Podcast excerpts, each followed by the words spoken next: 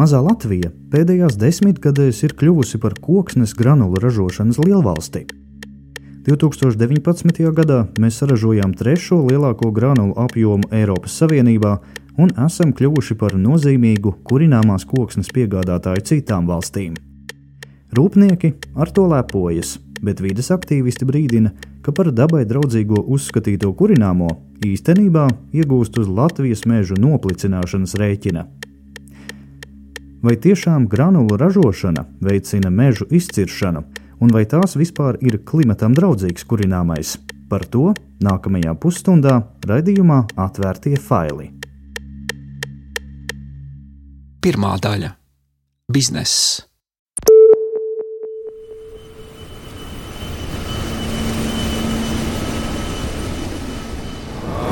Mēs atrodamies vienā no jaudīgākajām granulu ražotnēm, kas ir vispār Baltijā, vienā no lielākajām Latvijā.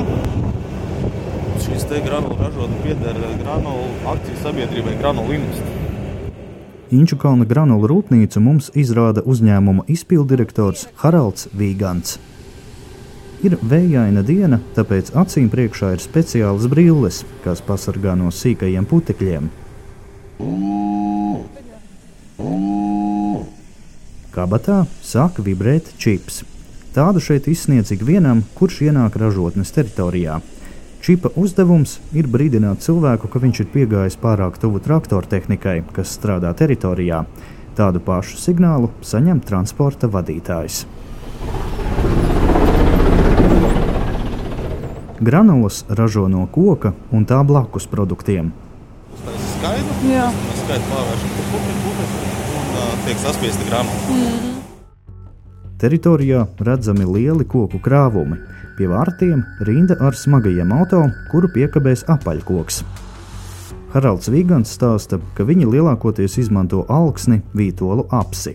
Viņš rāda uz apsēm un skaidro, ka koki izskatās lieli, bet redzams, ka iekšā ir iztrupējuši. Meža strādes blakus produkts, meža strādes produkts, mm -hmm. kuru nevar izmantot uh, piemēram uh, zaļmateriālu ražošanā, mm -hmm. skaitu plākšanu ražošanā. Mēs to redzam, ka piemēram tur redzēt, ka priede, bet viņa ir līka šķība. Šajā Jā. gadījumā var redzēt, ka ir trupējoši vidi. Jā. Tur nekāds dēls nekas nesanāk, tāda mēbele neuztaisīs, te ir ļoti mazi diametri. Un, uh, un bet, piemēram, šie ir uh, saules kaltuši, kuriem arī nekā nevar izdarīt. Mm -hmm. Tāds ir tas materiāls, kurš tiek izmantots ražošanā. Enerģētiskā ploksta. Latvijā šāds materiāls ir salīdzinoši daudz. Apmēram puse no izaivielām, ko uzņēmums izmanto granulu ražošanai, ir šāda, kā to sauc industrijā, mazkvalitatīva koksne. Otru pusi veido zāģētavu blakus produkti, skaidrs un šķelda. Līdz nesenam laikam granulu ražošanai izmantoja tikai vietējos materiālus, taču pirms trim gadiem tas mainījās. Siltā ziema apturēja meža strādi Latvijā, savukārt Skandināvijā to izdarīja meža ugunsgrēki. Koksne Baltijas valstīs kļuva dārga.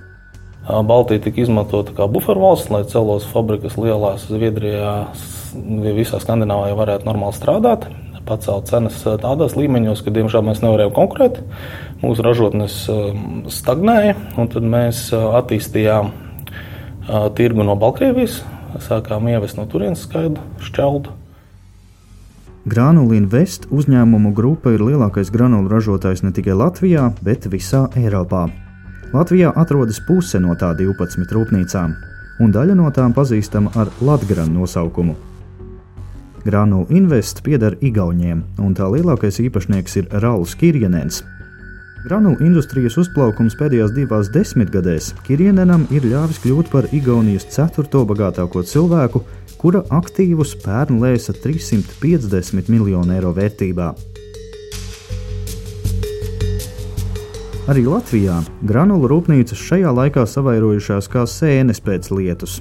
Pavisam to ir 27. Daudzas gan ir mazas ražotnes, ko uzbūvējušas zāģētavas, kā blakus biznesu, lai liederīgi izmantotu atkritumus. Granulu Invest uzņēmuma grupa Latvijā saražo apmēram pusi no kopējā granulu apjoma. Pamatu granulu nozares sprādzienam ir devis Rietumē Eiropas valstu pieprasījums. Latvijā paliek tikai sīka daļiņa granulu, ko izmanto privātmāju apkurei. Pārējo eksportē un lauvas tiesa aiziet uz Lielbritānijas, Dānijas un Nīderlandes valstu lielajām spēkstacijām. 2019. gadā Latvija eksportēja visu laiku lielāko apjomu - 2,2 miljonus tonu granulu. Koksne Eiropas Savienībā ir atzīta par atjaunojamu energoresursu, tāpēc Eiropas valstis, cīnoties pret klimata pārmaiņām, fosilo kurināmo savās spēkstacijās aizstāja ar koksni, jeb kā to mēdz dēvēt, biomasu. Granulas ir viens no visātrākajiem veidiem, kā samazināt šo CO2 pēdu. Piemēram, aizstājot akmeņogles, ko izmanto kurināšanai, radītu siltumu vai elektrību, un ar mazām investīcijām saka Haralds Vīgants no Granulu Invest. Līdz ar to Latvijas granulu rūpnieki nākotnē raugās ar lielu optimismu. Granulu patēriņš Eiropā viennozīmīgi augsts, tāpēc, ka ir sasniedzami atjaunāmās enerģijas mērķi, kur jāizvieto ogles un gāze. Un tur, protams, granulas un arī šķeldi patiesībā ir, ir ļoti labs atjaunāmās resurss. Saka Digis Palējs no Latvijas biomasas asociācijas. Ierobežoto izēju materiālu dēļ viņš gan nozarei Latvijā neprognozēja vairs tik strauju lēcienu kā līdz šim. Latvijā sasniedzot teiksim, šī izēju materiāla griestus, visticamākais, ka granulu ražošana ļoti būtiski neaugs.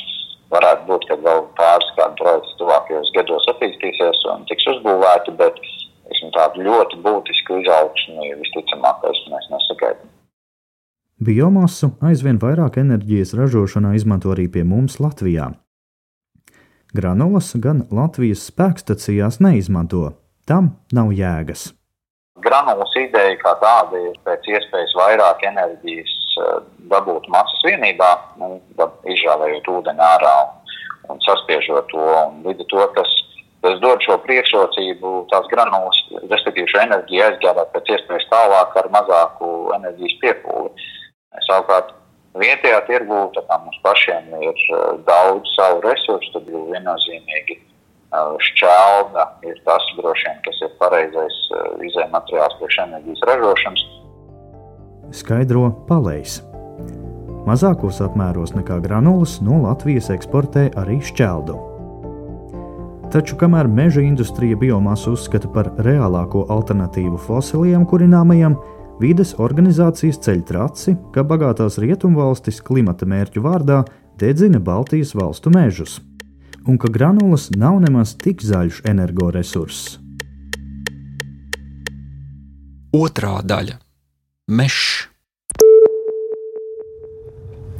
Viens no ratajiem, kas Latvijā mudina aizdomāties par granulu netik labo dabu, ir ornitologs Viesturs Čērus. Dodamies pie viņa uz Tukuma novadu, Un ko mēs redzam līdzās viņa mājai?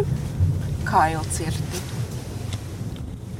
Iebraucamā ceļa vienā pusē - mājas, otrā, kur vēl pirms dažiem gadiem vējā šalkoja 120 gadus vecas priedes, tagad plešas kailcirtē. Mums būtu jāskatās, lai mēs nesabradājam jaunās priedītes. Bet nu, tā kā viņas te ir saķēpātas pret, pret briežiem, tad viņas ir viegli redzamas. Pāris soļus iebrīduši izcietumā ar viesturu ķērus, Latvijas ornitoloģijas biedrības vadītāju, runājam par to, kas notiek ar Latvijas mežiem. Tas ir valsts mežs. Tur jau tā bēda man, ka es dzīvoju valsts mežā un līdz ar to nekādu iespēju ietekmēt šeit notiekošo. Jo pat ja es būtu neiedzīgi bagāts, tad valsts mežu nopirkt nevar. Tas nozīmē, ka nu, tā ir. Es vienkārši dzīvoju, noskatos, kā mainās mežs man apkārt. Pagājušā gada statistika vēl nav apkopota, bet 2019. gadā Latvijas mežos ieguva vairāk nekā 13 miljonus kubikmetru koksnes. Tas ir visu laiku lielākais apjoms, kopš sāka veikt uzskaiti. Arī gadā izcirstā platība sasniedz maksimumu - vairāk nekā 46,000 hektāru. Kā šos skaitļus vērtēt? Par to meža saimnieku, kokrūpnieku un dabas aizsardzības organizāciju viedokļi krasi atšķiras. Zemkopības ministrijas gatavotajās atskaitēs redzēsiet, ka meža platības Latvijā palielinās, jo aizaug jaunas teritorijas. Tāpat palielinās mežā uzkrātās koksnes apjoms. Zaļie saka, ko citu. Te var redzēt to, kā, kā tas, kas ir dzīvē, atšķiras no tā, kas ir uz, uz papīra. Komentē viesturs ķerus. Un mēs zinām arī to, ka nevar cirst jaunu mežu, kamēr blakus mežs nav atjaunots. Un te var redzēt, tas mežs, tur, kur ir tās mazās eglītes tepat tūmā, tas ir 2009. gada izcirtums. Un tas tad skaitās atjaunots mežs. Un tad viņam ir nocirsts blakus eh, pirms diviem gadiem šis, kas, kā jūs redzat, te priedīts ir sastādītas, un tas nozīmē, ka nākošais gads arī šis skaitīsies mežs. Juridiski mežs skaitās jebkas, kur kokiem ir paredzēts augt. Tātad mežā var būt mazāk koku nekā pļavā. E, bet no bioloģijas viedokļa, protams, šis nav mežs. Un meža putniem, kas šeit dzīvoja, šis mežs nebūs vēl ilgi. Ornitologs norāda, ka arī īpaši aizsargājams putnu sugas Latvijā ir īpaši aizsargājams tikai uz papīra. Piemēram, šajā konkrētajā vietā bija vismaz trīs īpaši aizsargājami putnu sugu dzīvotni mazais mušķērais, mežģīrbe un melnā dzilna.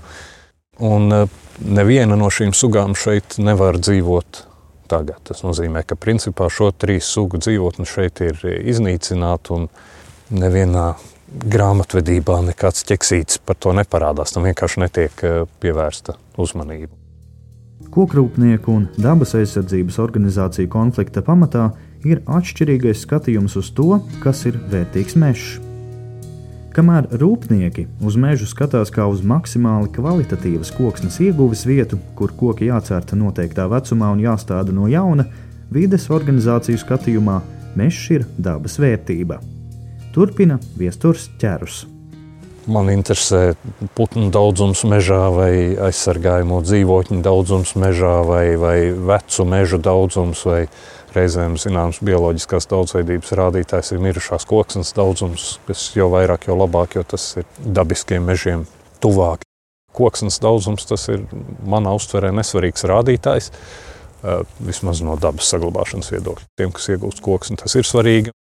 Līdz ar to, pretēji mežsaimniekiem, kuri ir pārliecināti par Latvijas mežu ilgtspēju, dabas draugi norāda uz pretējo.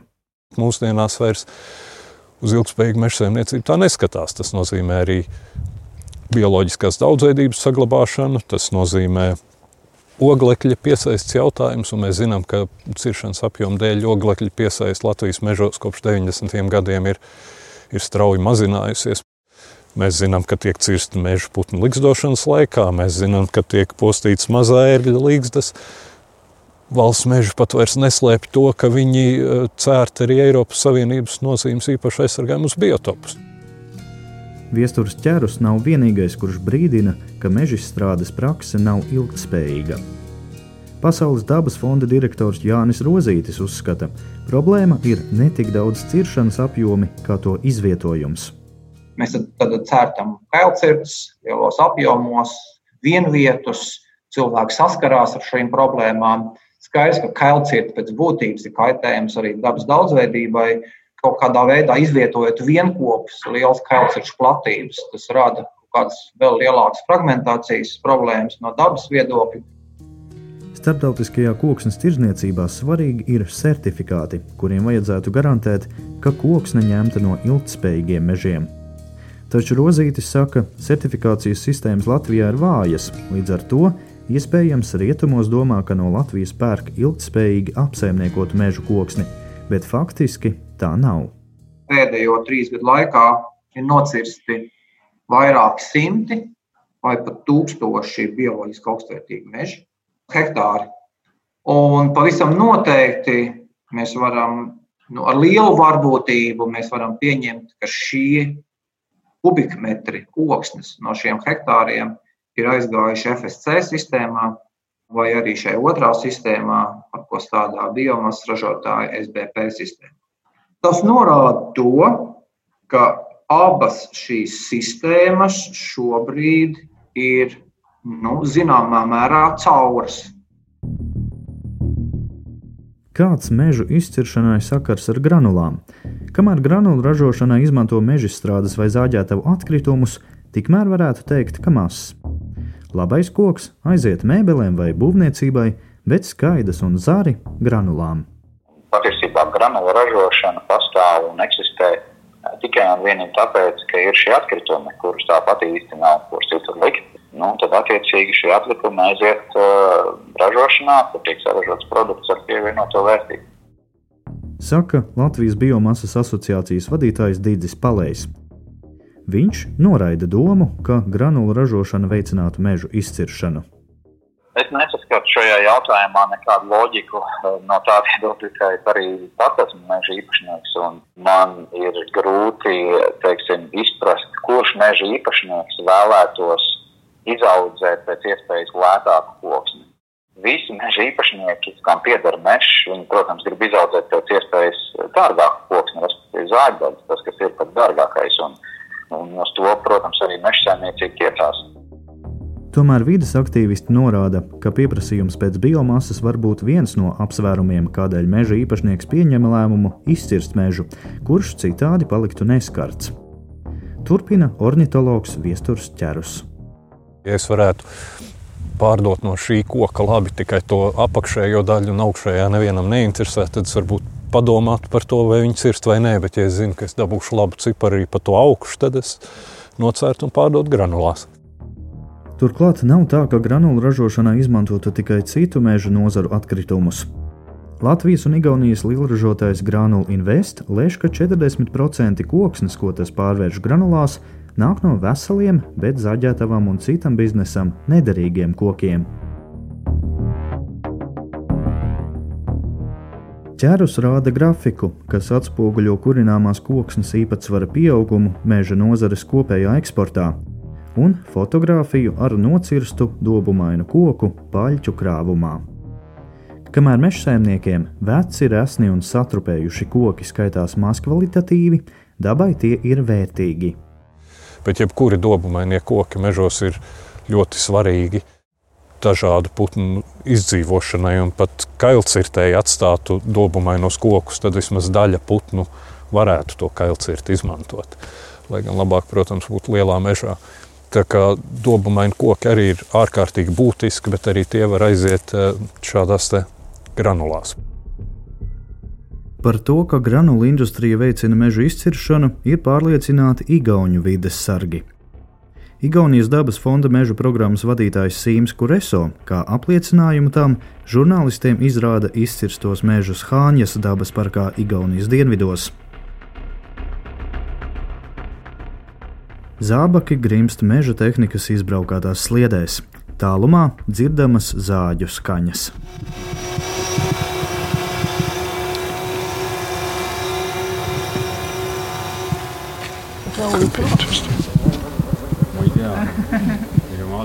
Vai varat ierakstīt zāģu skaņas? jautā Sīms.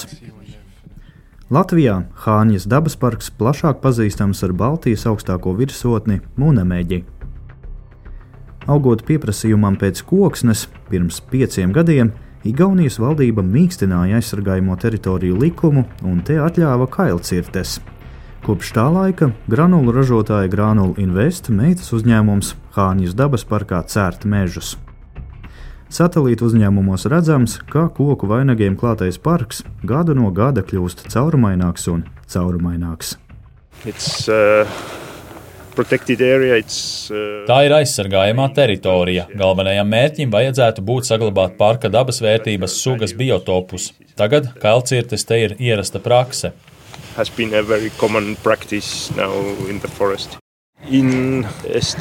law, yes. Igaunijas likums un Eiropas Savienības biotopu direktīva neaizliedz cirst kokus, bet šeit direktīvas jēga ir pārkāpta. Meaning of the uh, habitat directive has been violated. Uzskata Sīms Kureso. Kopš parkā atļautas kailcirtes, Grānula Invest te izcirtis 100 hektārus meža, piecreiz vairāk nekā iepriekšējos piecos gados biomass company buying up new land, managing it very intensively. Ja liels granulu ražošanas uzņēmums uzpērk mežus un tos intensīvi apsaimnieko, ir grūti apgalvot, ka granulu industrijai nav ietekmes uz mežu izciršanu. Protams, augstvērtīgo koku viņi pārdod citiem uzņēmumiem, jo tā vairāk nopelna. Tas nav pārsteidzoši. Granula Invest Igaunijā pašam pieder ap 56 tūkstošiem hektāru mežu, un mežus tas uzpērk arī Latvijā. Šobrīd Igaunijas kokrūpniekam Latvijā pieder ap 2000 hektāriem meža. Granula Investa Latvijas uzņēmuma izpilddirektors Haralds Vīgants stāsta, ka pērk visus mežus, kurus var nopirkt, gan no privātpersonām, gan uzņēmumiem, kuri tirgo lielākas platības. Turpina Vīgants. Tas ir tāds tā kā ilg, ilg, skatoties ilgspējībā. Piemēram, nu, mēs zināsim, ka mums būs mežs. Mēs zinām, ka tur iekšā ir sortiments, kas mums der. Mēs zinām, ka tur ir sortiments, kas cer citām zāģētām. Zāģētām savu, savukārt ir skaidrs čelt, kas der mums. Tādā veidā mēs varam veikt savu veidu partnerus. Vīgants atzīstas, ka mežus sāka pirkt, kad pirms pāris gadiem parādījās problēmas ar izēvielu iepirkšanu. Tomēr gan viņš, gan mātes firmas vadītāja Igaunijā noliedz, ka granulu ražotāji cērt mežus, lai ražotu granulas. Mēs darbojamies pēc tādiem pašiem principiem kā normāli meža strādātāji, kad ievērojot aprits ekonomikas principus, kad kvalitatīvākā koksne iet, lai ražotu kvalitatīvāku produktu, un mazkvalitatīvā, lai ražotu mazāk. Un šajā gadījumā mazkvalitatīvā ražo enerģijas. Izcirstajās teritorijās uzņēmums stāda kokus. Pagājušo gadu Igaunijā tika iestādīts 1,5 miljonu stādiņu. Tas ir ļoti iespaidīgi salīdzinot ar 54,000 hektāru, ko mēs apsaimniekojam. Igaunijas granulu ražotājs arī neuzskata, ka nodarītu ļaunumu Hāņas dabas parkām. Kailcirtas zāģē buferzonās, un tās atļāva jo atzītas par visefektīvāko mežu uzturēšanas veidu. Ar šo argumentu uz lūpām ar koku vainagiem klātā platība zūd gan visā Igaunijā, gan Latvijā, arī mūsu aizsargājamās teritorijās. Igauni prognozē, ka pēc desmit gadiem valsts no oglekļa absorbētāju kļūs par emitētāju. Mežu loma oglekļa uzsūkšanā ir viens no iemesliem, kāpēc vidas aktīvisti uzskata, ka Eiropas Savienībai atjaunojamās enerģijas politika ir jāmaina.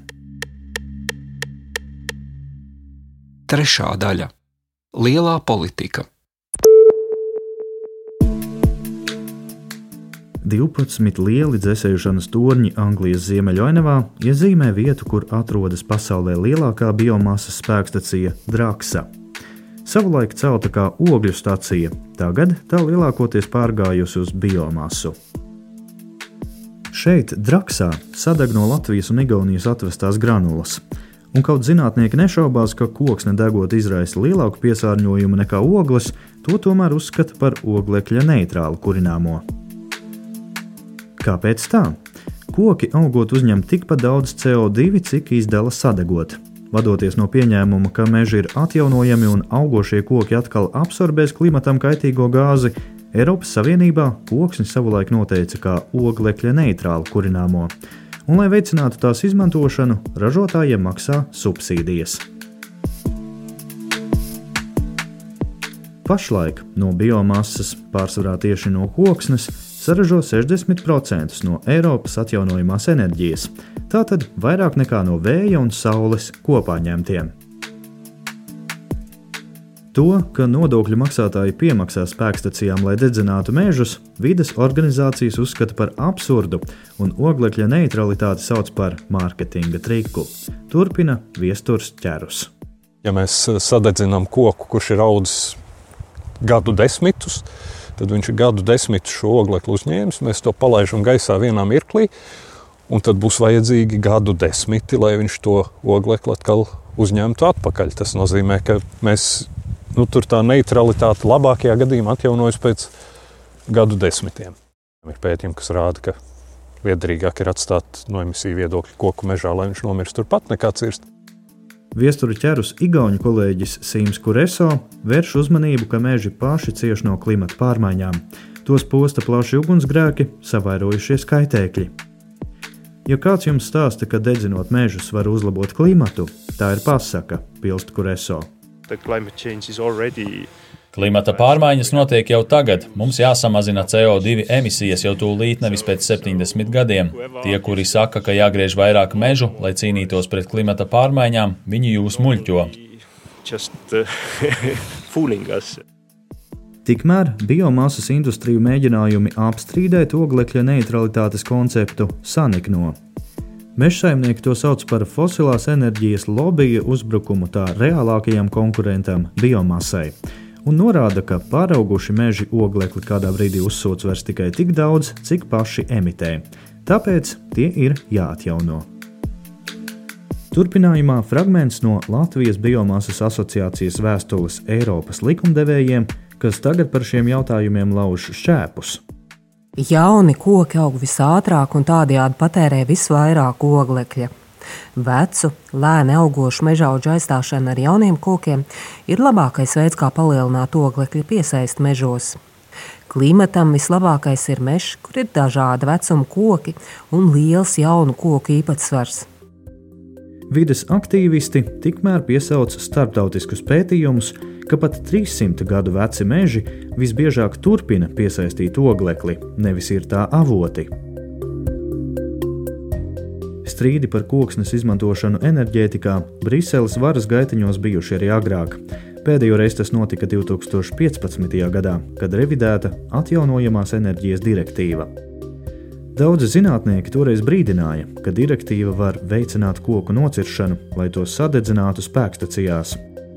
Pētnieki mudināja noteikt, ka enerģijas ražošanai var izmantot tikai meža nozares atkritumus un nevis veselus kokus taču šādus noteikumus nepieņēma. Pērn gan ir notikušas divas lietas, kas liek domāt, ka Eiropas Savienība varētu pieņemt stingrāku biomasas regulējumu.